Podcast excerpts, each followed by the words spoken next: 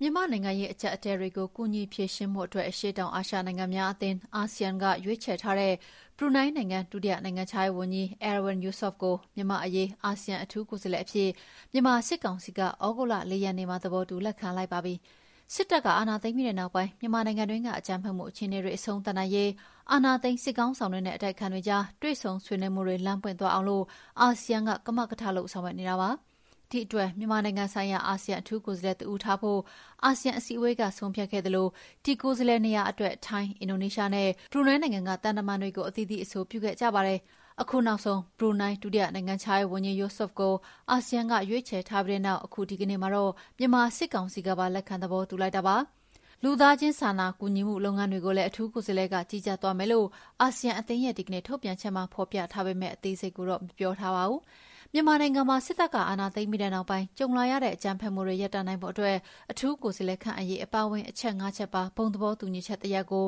အာဆီယံအဖွဲ့က ချမှတ်ခဲ့တာ ရက် ၁၀၀ ကျော်လာခဲ့ပေမဲ့တိုးတက်မှုတစုံတရာ မရှိတဲ့အပေါ် နိုင်ငံတကာက ဖိအားတိုးပေးလာချိန်မှာ မစ္စတာ Yusof ကို အထူးကိုယ်စားလှယ်အဖြစ် အတည်ပြု ခန့်အပ်လိုက်တာပါ။ပြီးခဲ့တဲ့ ဧပြီလက အင်ဒိုနီးရှားနိုင်ငံ၊ဂျကာတာမြို့မှာ ကျင်းပခဲ့တဲ့ မြန်မာ့အရေး အာဆီယံ အထူးဆွေးနွေးပွဲမှာ အကြမ်းဖက်မှုတွေ ချက်ချင်းရပ်ရေး၊ လူသားချင်းစာနာမှုအကူအညီတွေပေးအပ်ရေးနဲ့အာဆီယံအထူးကိုယ်စားလှယ်တဦးခန့်ထားရေးအပါအဝင်ဘုံသဘောတူညီချက်၅ရပ်ကိုအတည်ပြုထားတာဖြစ်ပါတယ်။အဲဒီဆုံးဖြတ်ချက်ထဲမှာပဲအထူးကိုယ်စားလှယ်အနေနဲ့မြန်မာပဋိပက္ခအတွင်းကသက်ဆိုင်သူအားလုံးကိုတွေ့ဆုံဆွေးနွေးမှုတွေလုပ်မယ်လို့ဖော်ပြထားရာမှာဖမ်းဆီးခံနေရတဲ့မြန်မာ့ဒီမိုကရေစီခေါင်းဆောင်ဒေါ်အောင်ဆန်းစုကြည်နဲ့တွေ့ခွင့်ရမရဆိုတာကတော့ရှင်းရှင်းလင်းလင်းမရှိသေးပါဘူး။ ဒါပေမဲ့လည်း အာဆီယံအထူးကိုယ်စားလှယ်ကို အာဆီယံမူဘောင်အတွင်းကနေ ပူးပေါင်းဆောင်ရွက်သွားပါ့မယ်လို့တော့ မြန်မာစစ်ခေါင်းဆောင် ဗိုလ်ချုပ်မှူးကြီးမင်းအောင်လှိုင်က သူ့မိန့်ခွန်းထဲမှာ ပြောဆိုထားပါတယ်။